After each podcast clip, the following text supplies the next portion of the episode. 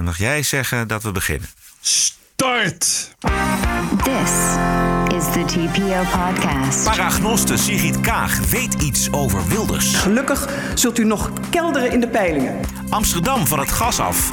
Maar college heeft geen benul van de gevolgen. Er gaat door het aardgasnet tien keer meer vermogen dan door het stroomnet. Dat betekent dus de stroomkabels tien keer zo dik moeten worden. En weer ouders in opstand tegen woke schoolbestuur. I've got news for you, school board president Benito Mussolini. Your power does not supersede the US Constitution. Aflevering 263. Ranting and Reason. Bert Bresson, Roderick Phalo. This is the award winning TPO podcast. Het is vrijdagochtend 25 juni. Good morning. Uit zijn tenen komt het, want Bert had eh, een beetje, beetje lastige nacht. Ja. Echt een kutnacht. ja, die zitten ertussen, vreselijk man. Ja. En dan kun je niet in slaap komen. Het is, eh, nou, ik heb, dat komt door die kutpillen van me. Die ik Oh, oké, ja. Dat is dus het probleem. En dat is, ik, ik, heb dan, eh, ik val heel vroeg in slaap. Echt om, eh, om 11 uur eh, ben ik heel erg moe. Dus dan ga ik slapen. Maar dan, dan word ik eh, daarna na een paar minuten schrik ik wakker. En dat gaat dan zo honderd keer door. Eh, en dan eh, ben ik weer een lange tijd wakker. En dan val ik in slaap. Maar dan heb ik gedurende de nacht ook weer de hele tijd wakker schrikken. En dan tot ochtends uh, dan word ik wakker en dan komt de hond in bed. en dan uh, moet ik nog een paar uur en dan lig ik weer een tijd wakker. En dan val ik in slaap en dan ga ik ineens heel heftig dromen. Dan kom ik weer in een remslaap. Uh, en dan maakt de hond me wakker zo rond een uur of acht. En dan is het, het is zo kut. Slow punt is dat. En de ene keer is het erger dan de andere keer. Dus kom niet aan met allemaal huismailtjes over dat je warme melk moet drinken en een wandelingetje moet maken. Ja. Uh, of weet ik veel wat voor gezeik. Ja. Het is gewoon iets wat. Uh, eigenlijk mijn vader had het ook, dus het is sowieso genetisch. Ja. Ja. Terwijl mijn zus al haar hele leven, die is al bijna 50, uh, valt die s'avonds in slaap en wordt acht uur later uitgeslapen wakker. Jezus. Ja. Dat is echt, het is zo'n verschil hè, tussen mensen. Ja, ja. Sommige mensen hebben nooit een andere mensen elke nacht. Hoe zit het bij jou?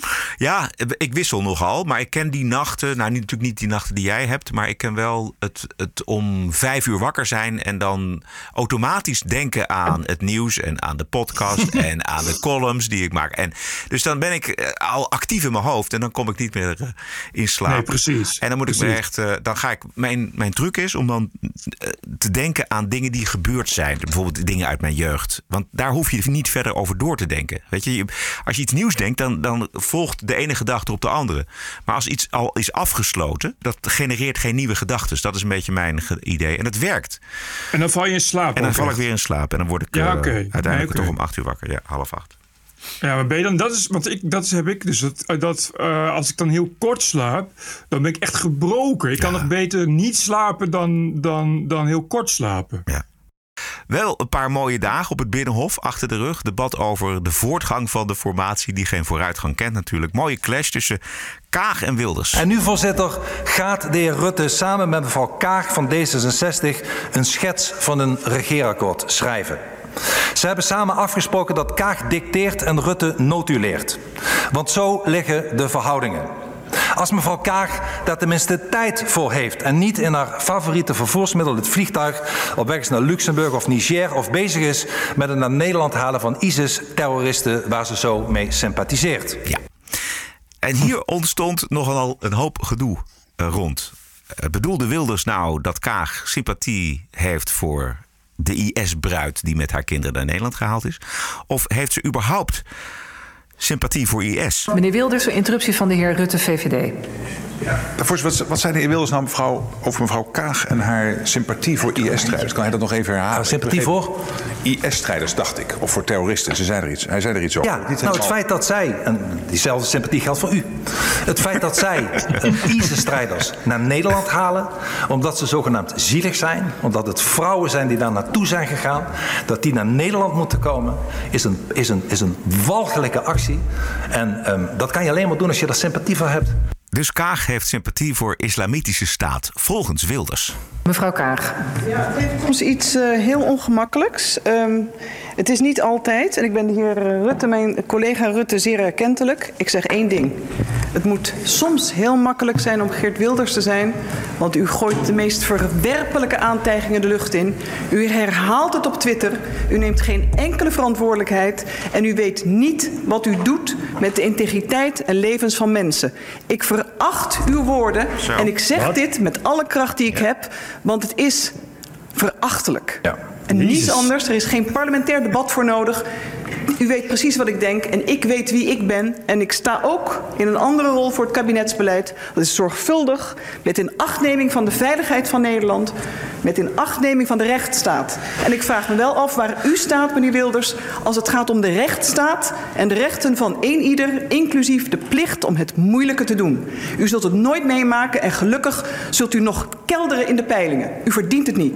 Ja, dit is Sigrid Kaag op haar allergetergst. Jezus, wat een eh, fakes. Hier zit eh, een hoop woede achter. Nou. Ik begrijp Wilders ook. Die, ja, die neemt deze gelegenheid te baat om eens eventjes lekker uit te venten tegen het kabinet en tegen, tegen Kaag. Maar ja, het is... Alsof hij ooit wat anders doet. Nou ja, exact. Dit is natuurlijk brandstof voor Wilders. Mevrouw Kaag, ik veracht uw daden. U, haalt terroristen uit Syrië hier naartoe om onze straten onveilig te maken. En u heeft ervoor gezorgd dat met Nederlands geld een terrorist van de Palestijnse gebieden, met uw geld, dat die het geld heeft gekregen, is betaald en dat die een Israëlisch meisje met een, bom, met een, met een autobom heeft vermoord. Als er iets verachtelijk is, dan is het uw daad, niet de mijne. Kaag, het is zo, zo persoonlijk betrokken. Klopt, je, je hoort haar denk- inderdaad Dan getergd denk zijn. ik van, dan denk ik van ja, houd toch gewoon je schouders op. Eh, en je hoeft niks terug te zeggen, hè? Precies, dat was misschien Ik wel vind, dat toch een geweest. beetje, ik vind dat toch een beetje, als ik het zo hoor, het is toch een beetje eh, Sylvana Simons die boos wordt. Ja. Ja. Ja, het zeker door Wilders. Het is toch, toch een soort troll die eh, probeert om, om ja, het bloed onder je nagels vandaan te zuigen. En die heeft succes als hem dat lukt. Ja, exact. En dan ga je toch niet, zeker niet als, als Kaag, wat dan toch een typisch statische vrouw is. En die kan dan toch laten zien, je ziet toch een beetje, je hoort toch een beetje eh gegrinnik op de achtergrond. Weet je wel, van yes, het is weer gelukt. Ja, precies. We hebben haar, zwakke plek gevonden. Ja, en ik denk dat het komt omdat zij is natuurlijk jarenlang is, eh, diplomaat geweest. Daar eh, komt Ja. zij niet terecht in dit soort discussies. Dus het is ook wennen Precies. geblazen voor haar in, het, eh, in, in deze arena, de Tweede Kamer, in het heetst van de strijd. Precies. Dit is ook echte ergernis en woede richting Wilders. Nee, ze is wel echt getergd. Ja. Ja, ja dit is, maar dat is, ik, ik, ik, vind, ik vind dan altijd dat ik denk van ja, dat moet je dus niet doen. Nee, dat moet je niet doen. Je had het inderdaad ook gewoon kunnen weglachen. Hè, dat was eigenlijk heel sterk toen in Amerika tijdens de verkiezingen tussen Biden en Trump. Dat, dat, dat laatste debat, dat deed Ja. Biden eigenlijk heel goed. Dus die lachte vooral om de aanvallen van Trump. Nee, je hoeft ook niet, niet, niet weg te lachen. Je kan ook iets terug zeggen. Maar dit, ik, kijk, het probleem is dat zij hier zichzelf toch weer, omdat het ook meteen daarover gaat, als een soort moreel verhevend boven Trump neerzet. Eh, en dat is precies wat Trump wil horen. Ja. Eh, Trump. Sorry, ik, eh, ik ben niet wakker. Eh, oh, oh, oh, eh, boven Wilders. En dat is precies wat hij wil aantonen. Kijk, die D66'ers die zijn weer eens moreel verheven. Die D66'ers, die, eh, daar gaat het weer over, meteen weer over, over mensenrechten en over mensen en de rechtsstaat. Dat is precies waar Wilders tegen is. En precies waar zijn kiezers hem, hem voor kiezen. Ja. Dus, dus als Kaag dit doet, dat is, ja, hij, hij, dat is gewoon toch voer. En wat je dus ziet gebeuren, dat is dan weer jammer voor Wilders, is eh, dat hij een perfecte katalysator is om D66 en VVD en ook CDA weer dichter bij elkaar te brengen. Ik weet niet of je het gezien hebt, maar het zijn echt maatjes in de Kamer. Je ziet ze echt met elkaar tegen Wilders. Ik ga het hier wel opnemen voor de rechterlijke macht. Want het is echt aperte onzin. En het doet afbreuk aan al die mensen die daar werken. Hè, En die er met elkaar elke dag voor zorgen dat die Nederlandse rechterlijke macht onafhankelijk is. Die er internationaal uitstekend voor staat. En dat elke keer hier weer even makkelijk met één beweging bij het golfveld te zetten. Het doet afbreuk aan het vertrouwen in alle instituties die we hebben. Het slaat nergens op. Het is inhoudelijk onjuist. Dus ik zou zeggen, hou daarmee op. Hou daarmee op. Aanvaard dat je zelf wat verkeerd hebt gedaan. Zeg sorry voor die veroordeling. Stop het partijprogramma in de shredder en ga over tot orde Voorzitter, een tegendeel. Ik hou er niet mee op, maar wij gaan door. En we zijn nog maar net begonnen. En de rechterlijke macht is in Nederland niet onafhankelijk. De rechterlijke macht, meneer Hoekstra, is in Nederland niet onafhankelijk. Misschien op papier, maar ze is het niet. Net zoals het gros van de journalistiek op papier onafhankelijkheid is, maar ze zijn het niet. Het zijn vaak links georiënteerde activisten, de rechters en de journalisten, die gehakt maken als je van de PVV bent, maar het woord recht of onafhankelijkheid nog niet eens kunnen spellen. Ja, ik geniet ervan. maar het is wel wat je zegt. Het is natuurlijk, eh, we gaan met z'n allen tegen Wilders. Dat blijft toch wel weer de strategie. En als ze daar, daar samen voor zijn, dan komen we dichter bij elkaar. Ja. En bij Wilders is het zo, eh, ik ga tegen, tegen, ja, tegen de zittende macht. Of het kartel, of hoe je het ook wil noemen. Ik zag wel de afgelopen dagen dat eh, met name CDA, VVD en D66 echt dichter bij elkaar waren gekomen. Mede dankzij het optreden van Geert Wilders. Dus als dat zijn bedoeling is, dan is hij daarin geslaagd. Nee, ja, precies. Dat zal zijn bedoeling niet zijn in elk Ja, ik denk het ook niet. Nee. Maar het is wel gebeurd. Dit, ja, was, dit was de formatie. dit was de The formatie. Ja. award-winning TPO podcast. Had jij nog iets over de formatie? Nee, nee ik, ik ben formatieloos verder. Oké, ik wilde eventjes naar de open inrichting Amsterdam. Ja! Omdat, eh, ja, en dan zul je zeggen, ja, Amsterdam, oké, wat heb ik daarmee te maken? Maar in Amsterdam eh, worden altijd alle idiote plannen als eerste bedacht en uitgevoerd. Zoals de opvang van illegalen. En een onbegrijpelijke diversiteitspuzzel. En dramatische energietransitie natuurlijk. Dit linkse college wil dat de stad vervroegd van het gas afgaat. Elektriciteitsnet zit in delen van de stad al helemaal aan zijn maximum. En volgens netbeheerder Liander kan er niet meer bij. En nu wil GroenLinks-wethouder Marieke van Doornik dat bedrijven niet zomaar elektriciteit kunnen afnemen. Eh, netbeheerders moeten ook de mogelijkheid krijgen om eh, ook eisen te stellen aan degene die aangesloten worden. Op dit moment is het zo dat als een bedrijf zegt ik heb zoveel nodig, dat een netbeheerder moet zeggen dan moeten wij dat leveren. Terwijl je natuurlijk ook eerst kan zeggen ga maar eens even kijken hoeveel eh, energie je kan besparen. Nou, mag jij Ja. raden, Bert, hoe goed dit is voor het ondernemersklimaat in Amsterdam? Ik vind het een uitstekend idee. Ik vind nog beter is het om gewoon mensen te verbieden stroom te gebruiken. Dan hou je tenminste ook wat stroom over. Hè, want dit is natuurlijk altijd maar bedrijven die zomaar een beetje denken in 2021 stroom te mogen afnemen en daarvoor te betalen op een vrije markt. Dat moeten we natuurlijk niet winnen. We moeten gewoon dan bedrijven verbieden. Je hebt bedrijven, sowieso, wat heb je eraan? Bedrijven in de stad. Precies. Alsof die bedrijven iets maken waar je wat aan hebt. En dat vind ik echt, ik vind het een briljante oplossing van GroenLinks. Gewoon mensen verbieden stroom af te nemen. Klaar. Heb je gewoon stroom in overvloed altijd. Ja, dit zeggen de ondernemers in Amsterdam. Je wilt overstappen bijvoorbeeld van gas of elektriciteit, dat kan niet meer. Je kunt niet uitbreiden, je kunt niet verplaatsen. Je kunt ook geen nieuwe vestigingen meer hebben in je, in je, in je, in je stad. En dat is natuurlijk dodelijk voor het ondernemers- en investeringsklimaat. En we maken ons echt grote zorgen over. Flabbergasted waren ze bij de grootste ondernemersvereniging van Amsterdam. Toen Liander meldde dat de grenzen van de elektriciteitscapaciteit in de haven en in delen van Noord is bereikt. En nieuwe grote bedrijven nog maar moeten zien of ze zich in Amsterdam kunnen vestigen. Ja, dit was eh, AT5 en Kees Noorman van de grootste ondernemersvereniging. Dit is eh, wereldstad Amsterdam. Eh, die gewoon op de lijst staat met Londen en Singapore en Berlijn. En, dus, dus, dus daar willen heel veel mensen, ondernemers, mensen die handelen, ook internationaal, willen zich daar vestigen. Het is ook niet voor niks dat het een van de duurste steden ter wereld is. Waar je per vierkante meter nog meer betaalt dan dat je een villa hier koopt op het Canarische eiland waar ik woon. Ja, eh, en dat kan dus niet. Je kan je daar niet vestigen omdat de stroom op is. Of te duur. Ja. Of dat je geen stroom meer mag aanvragen. Want sorry, dat mag niet van GroenLinks, want de stroom is op. Ja, je moet eerst Dat bewijzen. raar? Je moet eerst bewijzen dat je voldoende aan energiebesparing hebt gedaan. En misschien moet je ook op een gegeven moment ook wel duidelijk maken of je, wel, of je bedrijf wel divers genoeg is. Pas dan krijg je energie. Nou, dat laatste lijkt me sowieso eh, iets wat binnen nu en een aantal jaren van belang is. Ja, precies. Dan krijg je energie. Het is een soort, ja, een soort communistisch model wordt het. Een, een eh, Chinees model. Je krijgt wel wat van de overheid, maar dan moet je wel wat voor terug doen. Je moet voldoende deugdpunten moet je hebben. En die kun je dan inwisselen eh, voor zaken waarbij je kan ondernemen en handel kan drijven. Dus de economie, ja, die zal wel naar een soort banen of naar een soort eh, jarenplan gaan binnenkort. Dat is toch wel het meest efficiënte als je stroom wil, wil besparen. Ja. Ja, Weet je, het, dit kan toch niet? Nee, dit kan toch niet. Elke keer, bedoel, er is een gigantische ambitie van dit linkse college wat betreft de energietransitie.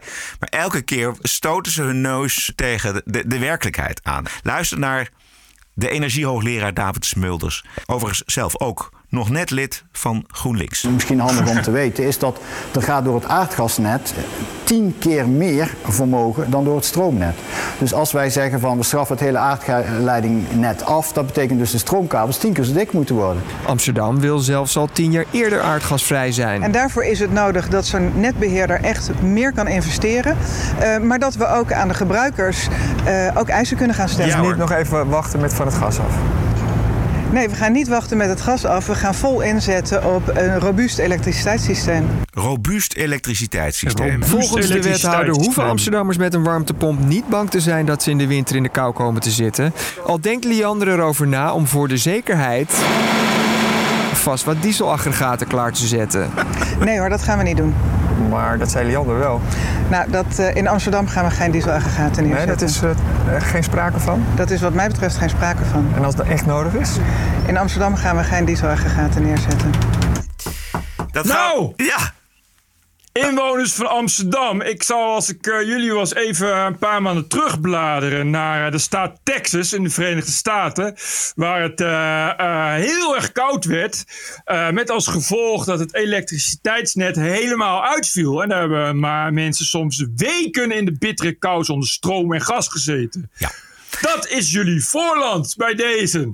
Ik denk, Doe ermee wat je wil. Ik denk dat deze Marieke van Doordink dekens gaat uitdelen. Uh, in de winter. Mm. Aan de mensen hier in Amsterdam. Want als Liander, die er verstand van heeft, zegt: Dit gaat niet lukken. We houden dieselaggregaten achter de hand. Dan is dit serious business. En dan kan ja. dit college nog zo politiek denken en nog zo idealistisch zijn. Maar dit is de harde werkelijkheid. Dus dat worden dekens. Maar GroenLinks doet niet aan werkelijkheid. Nee. De werkelijkheid moet zich aan GroenLinks aanpassen. Ja. Als straks de stroom op is, ja. dan moet er gewoon meer stroom zijn. En zo niet, dan moeten de mensen maar gewoon ophouden met stroom gebruiken. Ja. Als het maar groen en duurzaam is. De groene Khmer is toch wel een beetje op zijn plaats inmiddels hè, bij GroenLinks Amsterdam. Je gaat je echt afvragen wanneer de eerste slachtoffers gaan vallen. We zullen het zien in de winter. Dus dat wordt weer uh, houtstoken. Dat wordt wel gezellig. En autobanden. Heel veel autobanden. op straat. Dat je ja. inderdaad van die straat hebt waar mensen, bewoners naar buiten komen om een paar uur warm te krijgen. Zich te warmen aan van die grote uh, hoge de autobanden die, die, die fikken goed. Hè? En dan, als de autobanden op zijn, worden het accu's en polyester bootjes. Ik heb het idee dat GroenLinks dat niet helemaal door heeft. Dat een transitie ook tijd kost.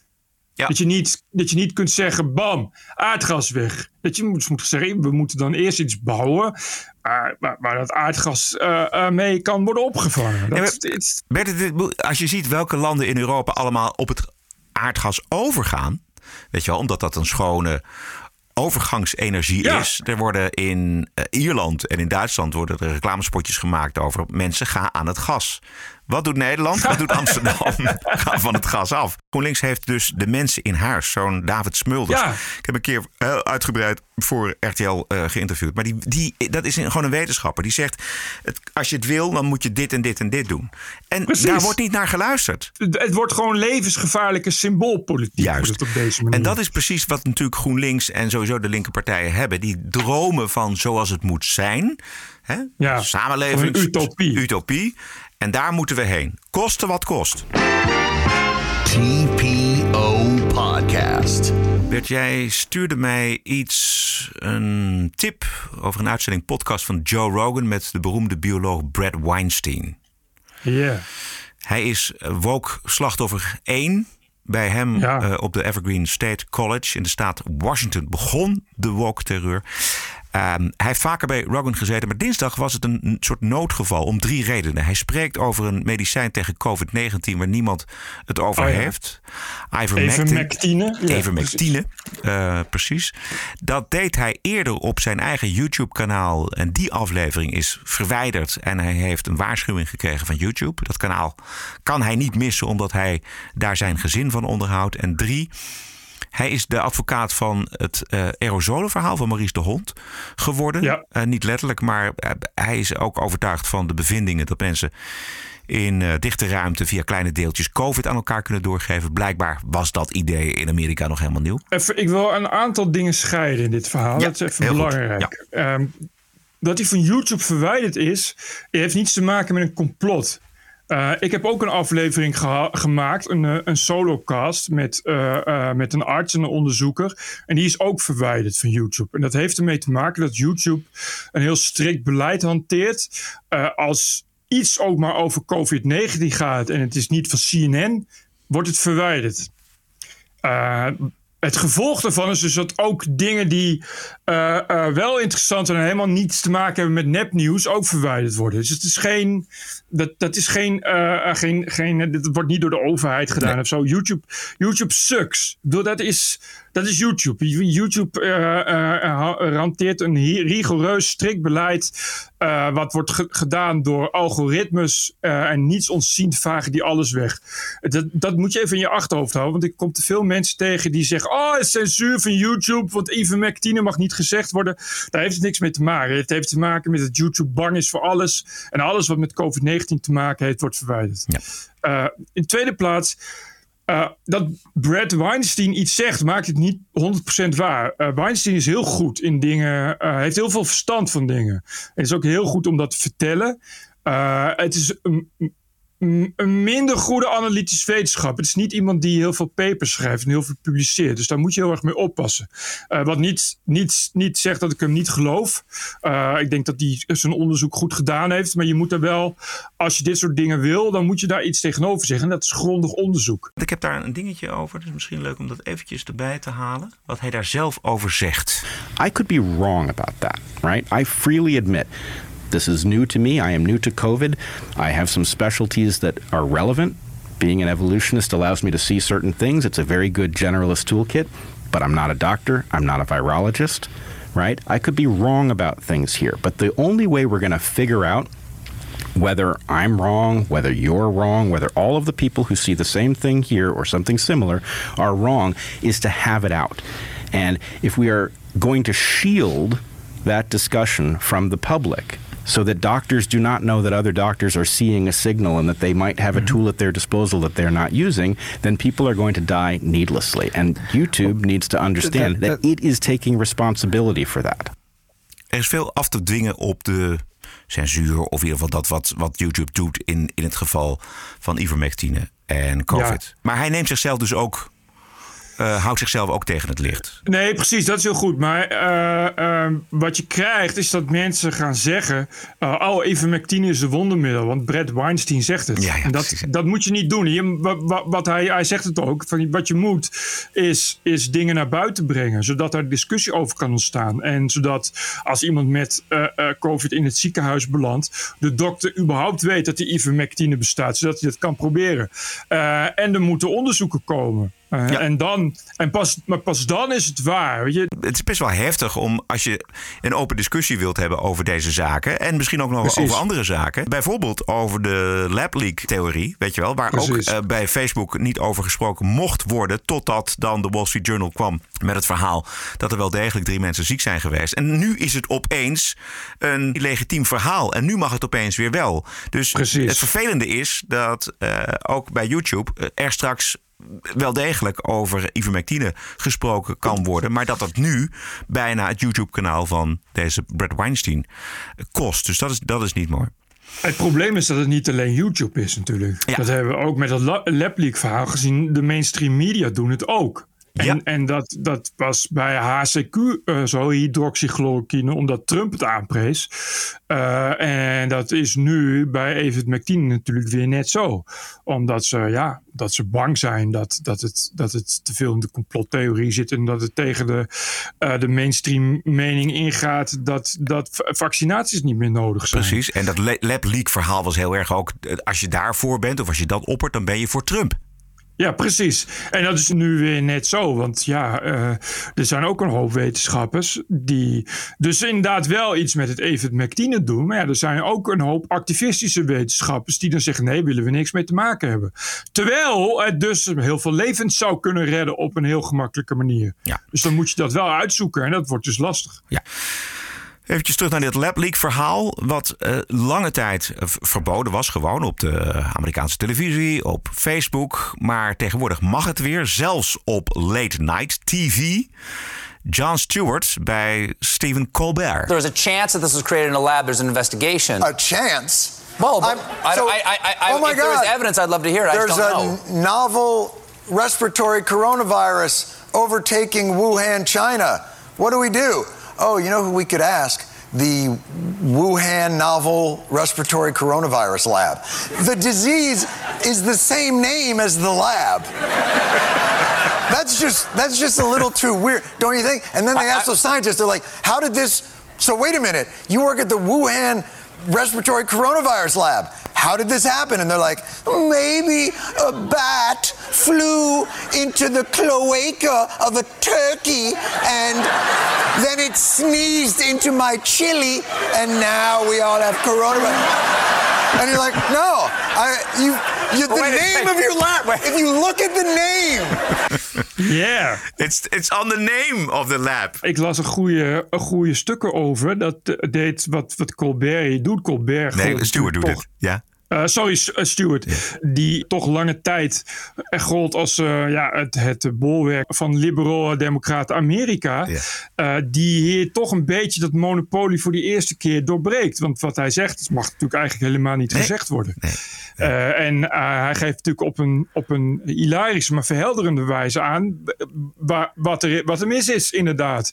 Dat namelijk het eerste wat je zou moeten denken is: oh, dat zal dan wel inderdaad van een la- laboratorium komen. En dat dat niet ge- gedacht mag worden. En ik lag, las de analyse eh, dat hij niet de enige is, maar dat we nu ineens zien. eh, ook in die, in die liberale eh, satirische shows. want, want Bill Maher doet het natuurlijk Ja, ook. Die, deed dat al langer. Dat er eindelijk toch een keerpunt lijkt te komen. En dat ook zij het woke-denken en het politiek correcte, dwangmatige denken in één richting een beetje zat zijn. Bill Maher, die heeft in elk geval al de munt progressiefobie gemunt. Eh, en daarmee bedoelt hij dat progressief Amerika lijkt vooral heel erg bang te zijn voor, pro- voor progressie. Want alle progressie die er is, wordt ontkend. Bedoel, Als het aan progressief Amerika ligt, moet je geloven dat eh, eh, zwarten nog steeds als slaven worden gehouden. En dat vrouwen nog steeds niet mogen stemmen. Ja, progressieve met oogkleppen. Juist. Nog een klein stukje? Mm-hmm. That could very well be, and Anthony Fauci and Francis Collins at NIH have said like it should definitely be investigated. Don't stop with the logic and people and things. The No, name of the disease. Wait a second. Wait is a on second. The building. Wait a second. It could be possible that they have the lab in Wuhan to study the novel coronavirus diseases because in Wuhan there are a lot of novel coronavirus diseases because of the bat population Sure, no, there. I understand. It's like the saying, It's like, a local a specialty, and it's the only place to find bats. You won't find bats No, but it's anywhere like else. saying oh why- wait, Austin, Texas has thousands of them that fly out of a cave every night. Every night at dusk. Is there a, a coronavirus, an Austin coronavirus? No, it doesn't seem to be an Austin coronavirus. The only coronavirus we have is in Wuhan. Yes. Where they have a lab called, what's the lab called again, Stephen? The Wuhan novel coronavirus lab. I believe that's Uh-huh. the case. I was offended and I have rights. TPO Podcast. You're an adult. Grow up. Deal with it. I don't care. care. Dit zijn de berichten uit de open inrichting. Mensen, bedrijven en instanties die zich een slag in de ronde deugen... en die buigen voor de terreur van de identiteitsideologie. Laten we dicht bij huis beginnen. Bert, is mijn eh, suggestie. De kogel is door de kerk. De attractie Monsieur Cannibal verdwijnt na 33 jaar uit de Efteling... schrijft RTL Nieuws en andere media. Er is namelijk veel te doen geweest rondom Monsieur Cannibal... Bezoekers draaiden in deze attractie in kookpotjes om de grota bijna bijna naakte man van kleur met een pollepel door zijn neus. En dit werd door sommige mensen als racistisch beschouwd. En je weet wat er van komt als sommige mensen vinden dat iets racistisch Ja. is. Dan volgde Ja. al snel een petitie met ruim 1500 mensen om de attractie uit de Efteling te verwijderen. En volgens de initiatiefnemers heeft Monsieur Cannibal een problematisch, stereotyperende karikatuur. Ja. Het is wat, je zou bijna denken dat het fictie is. Hè, fictie, fictie in een pretpark, dat moet je natuurlijk niet willen. Maar goed. Woordvoerder van de Efteling zegt: We horen al een aantal jaren kritische geluiden over de attractie. Voor ons is het belangrijk dat iedereen zich welkom voelt.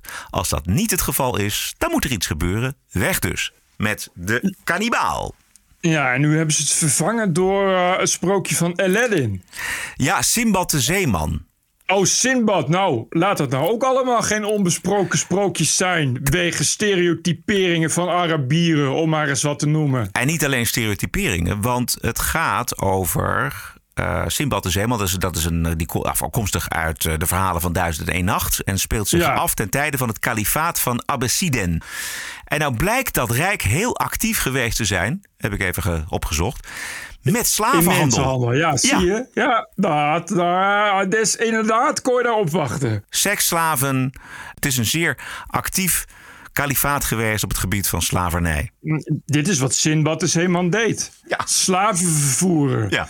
De islamitische slavernij, die eh, ongeveer een miljard keer groter was dan de Nederlandse slavenhandel.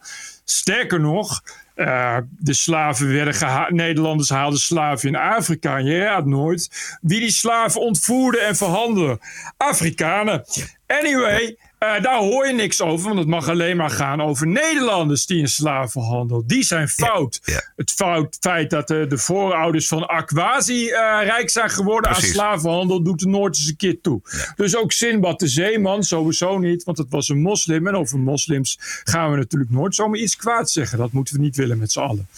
Toch zou het leuk zijn om ook daar een petitie voor, een beetje gewoon voor het evenwicht, een petitie tegen Simbad de Zeeman Ja. in te dienen.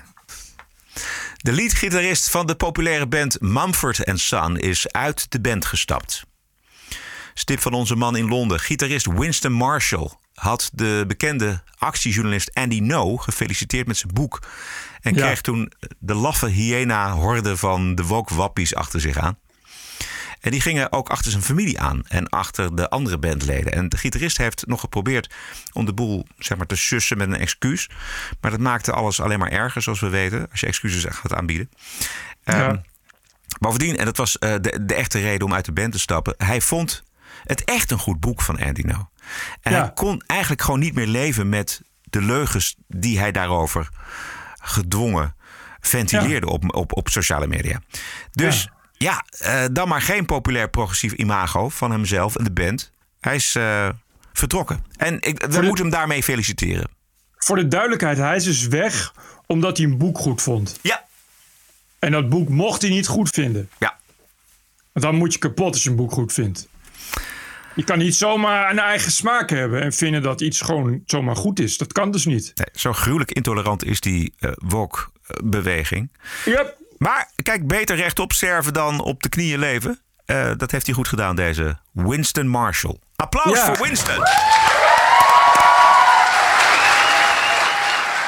Hij heeft ook eh, nog, nog, nog getwitterd van... eh, ik, ik heb verder een bloedhekel aan extreem rechts. Maar ik vond het wel een goed boek. Maar Annie No is helemaal niet extreem rechts. Nee. Die verzet zich hij- namelijk, die doet verslag van de capriolen en het geweld Ja, ja. van Antifa.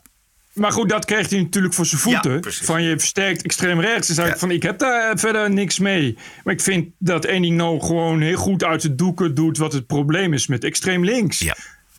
En dat was het enige wat hij wilde zeggen. Dat mag niet. Dan moet, Je, moet je weg. Nou, oké, dan ga je weg. Heel goed. Mag hopen dat er meer volgen. Er was er één trouwens. Zal ik die even doen? Ja, doe maar. Dat is een eh, feministische kunstenares. Die heet Jess de Walls. Eh, zij maakt eh, dus feministische kunst. En die kunst is zo goed dat zij door het prestigieuze Royal Academy of Arts in Londen uitgenodigd werd om haar werk te verkopen in de, in de gift shop van, eh, van het Royal. Academy Museum. Daar wordt normaal alleen maar troep verkocht dat veel te duur is, wat niemand koopt. Dus als je daar je kunst kunt verkopen, verkopen mensen dat ook echt, levert dat ook, levert dat ook geld op. Maar Eh, de Wals is een echte feministe. En dat betekent dat ze niet zoveel heeft met, met transgenders verdedigen. Dus in 2019, dat is dus twee jaar geleden voor de duidelijkheid, had ze een blogje geschreven. En in dat blog schreef ze dingen als: ja, een vrouw is gewoon iemand met een vagina. En er zijn maar twee geslachten, man en vrouw. Nou, je kent het allemaal wel.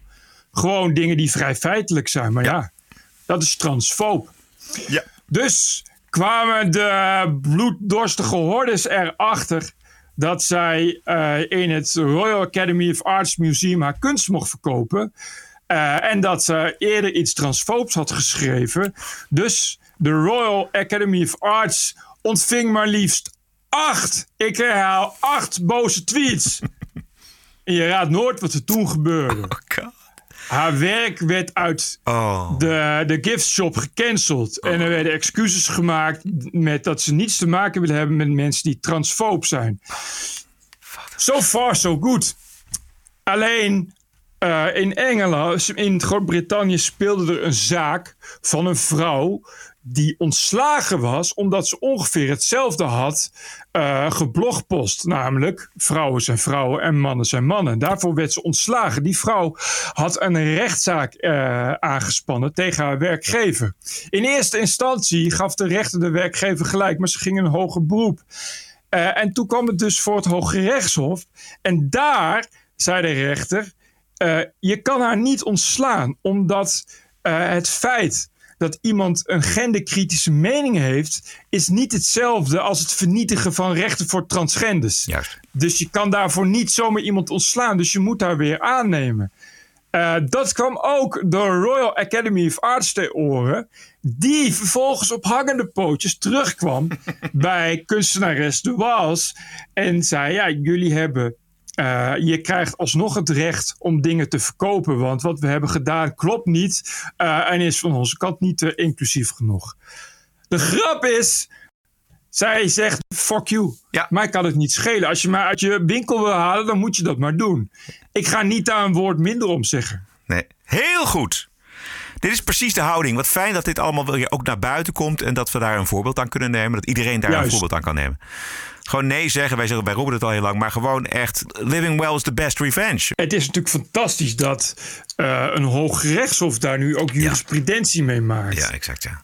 Ehm, even naar Amerika. Republikeinen in het Amerikaanse congres die hebben een wet in voorbereiding om leraren en leerlingen te beschermen tegen de verplichting die zich nu op veel scholen manifesteert om de critical race theory te onderwijzen en te ondergaan. Yes. Het gaat dan om eh, dat leerlingen nu onderwezen kregen dat Amerika fundamenteel een racistisch en seksistisch land is. Ehm, dat gaat echt heel ver. Er, er is ook een leraar waar ouders tegen in opstand zijn gekomen die hun kinderen onderwees dat racisme en kapitalisme in Amerika de coronapandemie heeft veroorzaakt. Prachtig moment waarin ouders tegenover de schoolleiding hun bezwaren mogen uiten. De volgende man komt oorspronkelijk uit Engeland, woont in Pensbury. Dat is even ten noorden van Pennsylvania. En gaat los op het schoolbestuur. Jij kwam aan met dat eh, fragment, Bert. Ja, Ik, ik, ik moest hem iets inkorten omdat het geluid niet al te best is. Nee, maar precies. het is wel een geweldige rant. Your proposed new school board policy, seeking once again to limit the constitutionally protected speech of American citizens.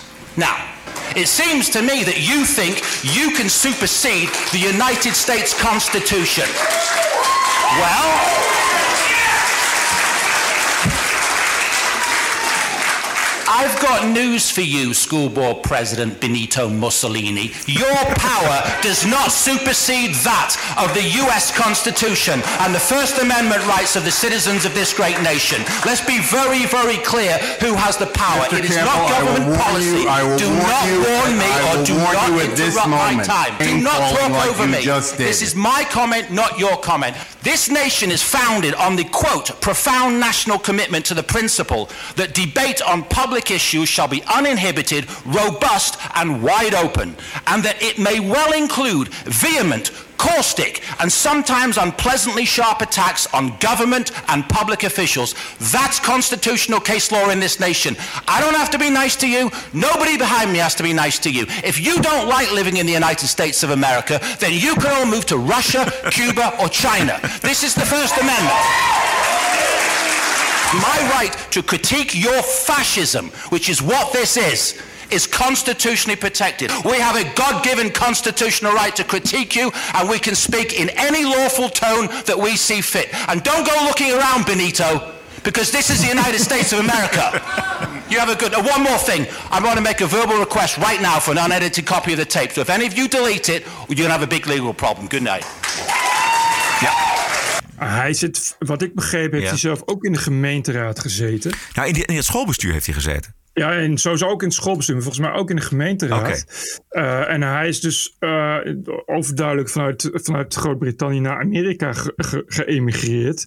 Ja, en dan heb je natuurlijk een, een, natuurlijk een extra reden om dat houvast te zoeken in, in, in, in die grondwet, in die vrijheid van meningsuiting. En hij heeft dus, eh, eh, eh, dat begreep ik uit het begin van de video, al vaker dus dit soort protesten gehouden. Omdat hij natuurlijk ook, eh, hij weet precies hoe hij moet praten en hoe hij kabaal moet maken. En dat deed hij dus ook bij dat schoolbestuur. En dat schoolbestuur zet dan video's online en die halen hem er dan uit. Dus wat er gebeurde is dat dat schoolbestuur ging op eigen houtje onwelgevallige meningen haalden ze uit die video's. En dat, is waar, dat is waar hij het hier over heeft. En daarom zegt hij aan het eind ook, als je het weer doet, heb je een serieus probleem. Deze geest kan niet meer terug in de fles. Ik hoop het. Ik hoop het eh, heel erg. Ik hoop dat het allemaal eindelijk langzaamaan een beetje bij iedereen een beetje begint te dagen. Het is fantastisch dat dit soort zaken gewoon op YouTube komen. Want iedereen, die ouders die, die eh, al zo lang nattigheid voelen, die voelen zich natuurlijk gesterkt door eh, iedereen. En het gaat echt als een lopend Juist. vuurtje in Amerika. Dus dat is hartstikke goed dat dat gebeurt. Terecht. Ik kwam een video tegen eh, op de website van de Washington Post. Het zijn opvoedingsvideo's voor de lezers. Hoe b- racistisch ben jij? Wat kun je eraan doen? In deze video leggen mensen van kleur uit wat het probleem is van blanke mensen. En blanke mensen vertellen hoe verkeerd ze zijn. En die laatste categorie, die horen wij nu. The more you kind of dive into that, the more I'm really realizing how deeply rooted racism is into like my everyday thought process. No matter how much you work at that, there's still even almost more work to be done.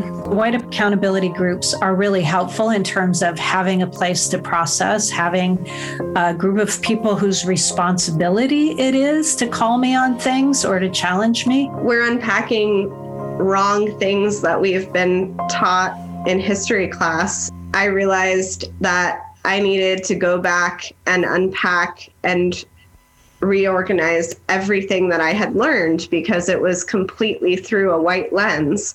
Most of us in doing this work have experienced this where there's a period of deep shame for being white. Deep shame of being white. Mooi hè, hoe, hoe mensen eh, laten horen hoe ze volledig zijn geïndoctrineerd. Ja, ja. Dat is echt, echt fascinerend. Fascinerend. Moet je voorstellen, dit, dit komt dus voort uit het, het idee... je bent geboren, je hebt een, toevallig een huidskleur... die is dan blank in dit geval van deze mensen. En je leeft gewoon je leven. Je maakt vrienden. Je gaat naar school. Eh, je trouwt, je krijgt kinderen. Je gedraagt je als een volstrekt voorbeeldige burger. En opeens is daar iemand die boeken schrijft, is daar een beweging, is daar mensen die zeggen: hey, jij bent fout. En je bent fout, niet omdat je je verkeerd leeft of omdat je eh, misdaden begaat. Nee, jij bent fout omdat je een huidskleur hebt die niet deugt. Kennelijk heet dat tegenwoordig ook geen racisme meer. Het is gewoon, eh, eh, dat is deugen. Het doet me denken aan eh, die video's van Amerikaanse GI's in Korea en Vietnam. Die werden gepakt door de vijand. En die zag je dan, kwamen dan altijd daarna in beeld heel plechtig verklaren dat, ja, dat de Amerikanen biologische oorlogvoering gebruikten en terroriseerden en mensen zomaar executeerden. Je kent het allemaal wel. Weet je, die zagen ook gewoon heel oprecht zagen die eruit. Het is natuurlijk weerzinwekkend dat een krant als de Washington Post zich voor, voor dit soort shit laat lenen. Ja, dit soort shit maakt gewoon. Dit soort shit maakt, ja. Want de mensen die je hoort zijn mensen die echt volledig gehersenspoeld zijn. Ja. Woke is opnieuw ook officieel een religie. Eh, Niet overal nog staat een kerk, maar eh, er zijn ook grote samenkomsten in de open lucht. about racism, anti-blackness, or violence. I will use my voice in the most uplifting way possible. And do everything in my power to educate my community. I will love my black neighbors the same as my white ones. I will love my black neighbors the same as But I hate my white neighbors. Tering. Wat is dit? Dit, is, dit zijn openbare kerkdiensten waarin een voorganger vertelt wat eh, en de rest zegt na om het erin te krijgen. Ja, dat, dat begrijp ik. Maar waar? In, in de VS? Ja, zijn we in Amerika. Jezus Christus. Wauw. Ja. Dit moet toch wel heel erg denken aan uh, madrassa's en uh, dat soort verschrikkelijke dingen. Nou, ik moest ook denken aan deze mevrouw. I'm going to ask the white Americans in the room to please repeat after me. Dit is uh, Mariana Williamson. Ooit in de race voor de nominee voor de democratische presidentskandidaat. On behalf of myself and on behalf of my country. To you and all African Americans. From the beginning of our nation's history. In honor of your ancestors and on behalf of your children. I apologize. Please forgive us. Oh my God. En dat liep niet goed af, weet je nog? And their grandparents before them. And their grandparents before them.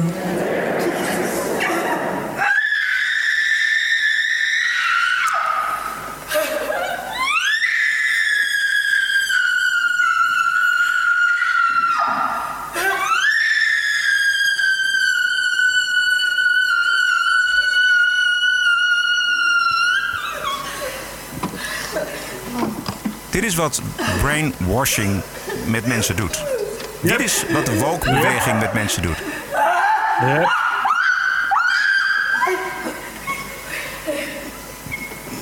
Ja, ik hoor het nu voor de tweede keer, maar ik krijg weer kippenvel. Dit is onvoorstelbaar.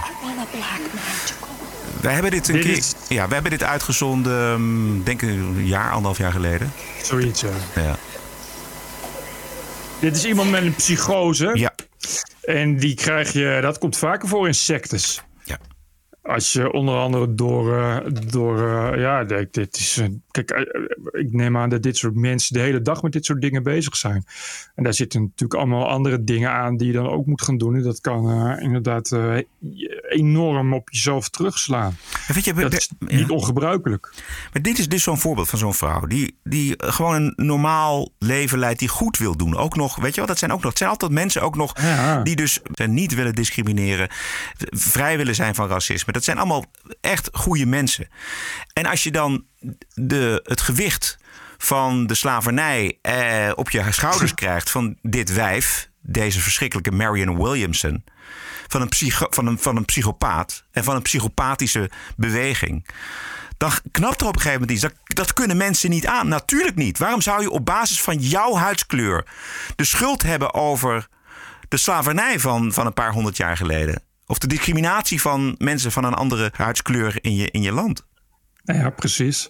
Je mag toch ook hopen dat er voor dit soort mensen wel eh, echt een goede exit-therapeut beschikbaar is op een dag. Want eh, ja, je kan dat natuurlijk niet allemaal dragen. Dat, de- dan krijg je dus inderdaad het, de gedachte dat je ja, gewoon fout bent geboren.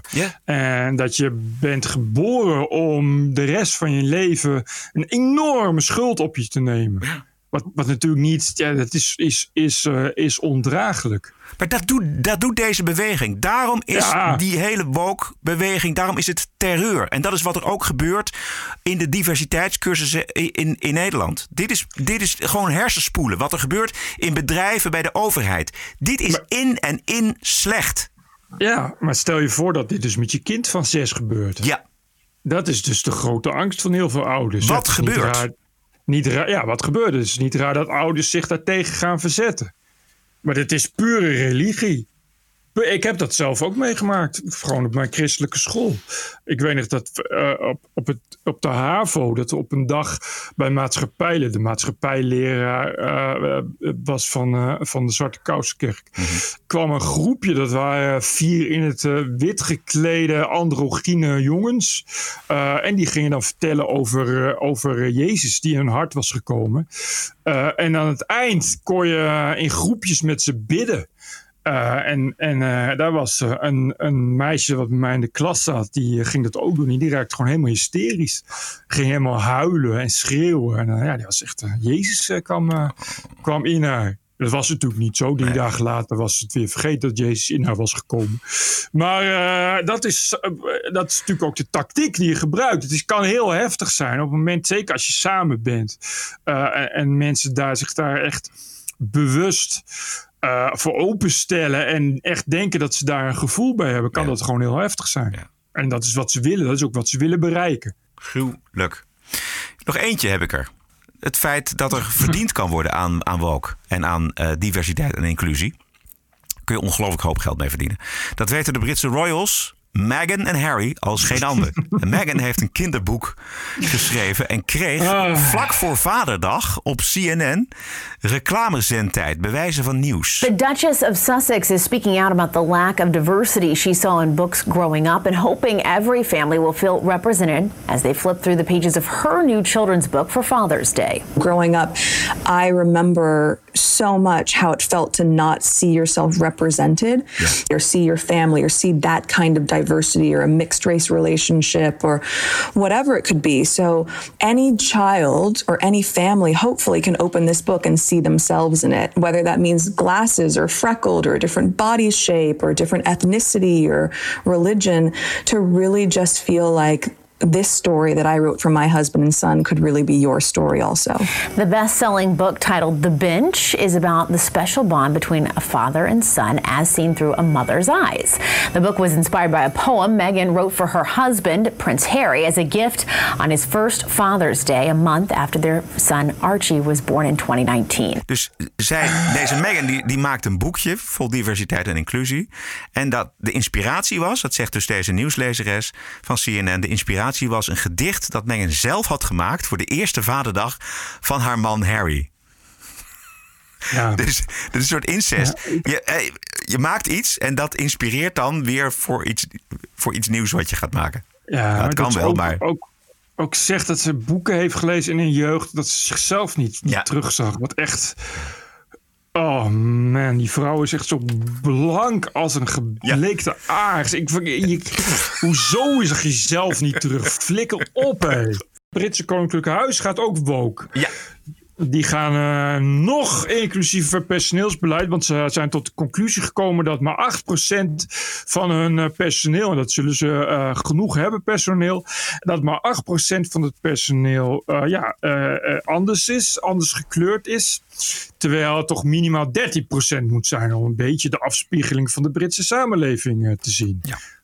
Dus mocht u voor het Britse huis, Koninklijk Huis willen werken dan moet u zwart zijn of transgender of gehandicapt of op zijn minst vrouw. Ja. Het feit dat het Koninklijk Huis daar dan zo mee naar buiten gaat, weet je wel, dus dat is allemaal uh, deugen. En kijk eens hoe goed we ja, zijn. Nou. We weten allemaal hoe enorm betrokken het Koninklijk Huis met Ja. de multiculturele samenleving is, namelijk niet. Ja. Heel veel succes daar in Londen en Buckingham Palace. Uh, dit was het uh, wat de Wokweek betreft, of had jij nog wat?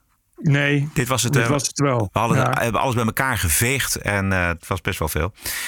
Als u denkt, dit is een aardige podcast, daar wil ik wel iets voor doen. Dat kan. Dit is de TPO-podcast. Een eigenzinnige kijk op het nieuws en de nieuwsmedia. Twee keer per week, elke dinsdag en elke vrijdag. 100% onafhankelijk, want zonder reclame en zonder een cent subsidie. The award-winning TPO podcast. Wat is het jou waard? Een euro per aflevering, 104 euro per jaar of kies zelf een bedrag. Waardeer en doneer op tpo.nl slash podcast. De TPO podcast. Wat is het je waard? En bij voorbaat dank. Bert, ik heb alleen nog een bonusquote. Nou, dat wil ik wel eens even horen dan. This is the TPO podcast. Dinsdag werden er misverkiezingen gehouden in New Jersey. Uh, dat, dat mag nog gewoon, maar wel op een moderne manier. Vroeger werd er dan gevraagd aan die missen: van wat zijn je hobby's en uh, wat eet je het liefst en wat drink je het liefst en waar Ja, ga je het liefst ja, Maar goed, dat, tegenwoordig worden gewoon echte vragen gesteld. Zoals: wat is de grootste uitdaging voor jouw generatie en waarom? Oh god. En deze kandidaat die heet uh, Justine en zij heeft de misverkiezing niet gewonnen. U hoort vanzelf waarom. Hi, Justine. Hello. What is the most important issue your generation is facing today and why? Our generation is experiencing an epidemic of censorship and entitlement. and it's because our professors and our celebrities are teaching students to be narcissists, to believe that any view that differs from their own is an existential threat. And this is what I experienced on my own campus with censorship to the point where people believe that speech is violence so that they can threaten other people with violence simply because they disagree with them. Very good. And now your social impact pitch. Free speech. It is listed first under the Bill of Rights for a reason. Without it, all other liberties crumble. But today, we're watching free speech get hammered to the ground by the very institutions that are supposed to promote diversity of thought. Let me ask you something. Are you a student? Are you a teacher? Are you a professor? The mere words, I'm offended, are now being used as an excuse to silence students, fire professors, and cancel people simply because they do not toe the popular line of thought. And that's what I experienced. An Orwellian phenomenon dominating my own campus to the point where it got borderline violent. But through the Miss America organization, I will promote Miss New Jersey as Miss New Jersey by empowering the voices of young women who are not afraid to stand up for what they believe in and become a voice to be reckoned with. Yeah! Yeah! dit, was, dit was natuurlijk niet de bedoeling hè, van, eh, nee, van de misverkiezing. Ze had het zelf op eh, Twitter eh, geplaatst en gezegd dat ze niet gewonnen had, maar dat ze van geen woord spijt had en dat ze het precies altijd zo had gedaan. Wauw, dit is wel echt goed. Dat je gewoon een hele misverkiezing doorstaat. Omdat je weet dat je dan op een groot podium je statement kan maken. Ja. Want zij weet natuurlijk van tevoren ook wel dat ze daar niet mee wint. Oké, dit was het Bert. Yes! De TPO podcast is te vinden op onder meer Spotify. We zijn weer terug op Spotify, dat is toch wat Ja, dat was wel even mooi. weg. Ja, ik, weet niet, ik weet nog steeds niet waarom. Maar eh, dat eh, heeft alle schijn van dat het gewoon een technisch dingetje is. Dat eh, gebeurt vaak. Omdat het Spotify, moet je weten, is, biedt zeg maar een platform aan. Maar je moet het zelf hosten. Dus wij, ik gebruik dan Soundcloud. En dat wordt dan via een RSS-feed wordt dat in Spotify geladen. Dus Spotify zelf heeft die podcast niet. Nou, en iedereen die wel eens iets met RSS heeft gedaan... weet hoe enorm snel dat mis kan gaan. Oké. Ehm, ik voelde toch eventjes als oude radiopiraat alsof ik uit de lucht was gehaald door de radiocontrole. Ja, ja, zeg maar, ja, zo, ja, dat ja. gevoel. Maar gelukkig waren we er geloof ik na anderhalf uur of twee uur waren we weer terug. Ja, ja, ja. Dus, en daar staat ook weer deze aflevering op natuurlijk. Spotify, Apple Podcast, iTunes en natuurlijk tpopodcast.nl. Zeer veel dank voor de ondersteuning van aflevering 263. Post kan naar info.tpo.nl. En doneren en waarderen kan op tpopodcast.nl. We zijn terug aanstaande dinsdag. Stay cool en...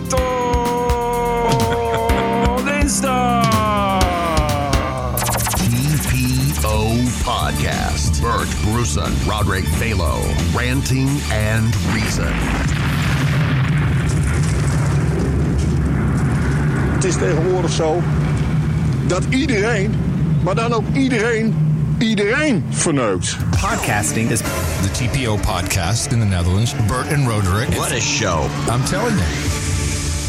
Keep the show running. Go to tpo.nl slash podcast. Thank you.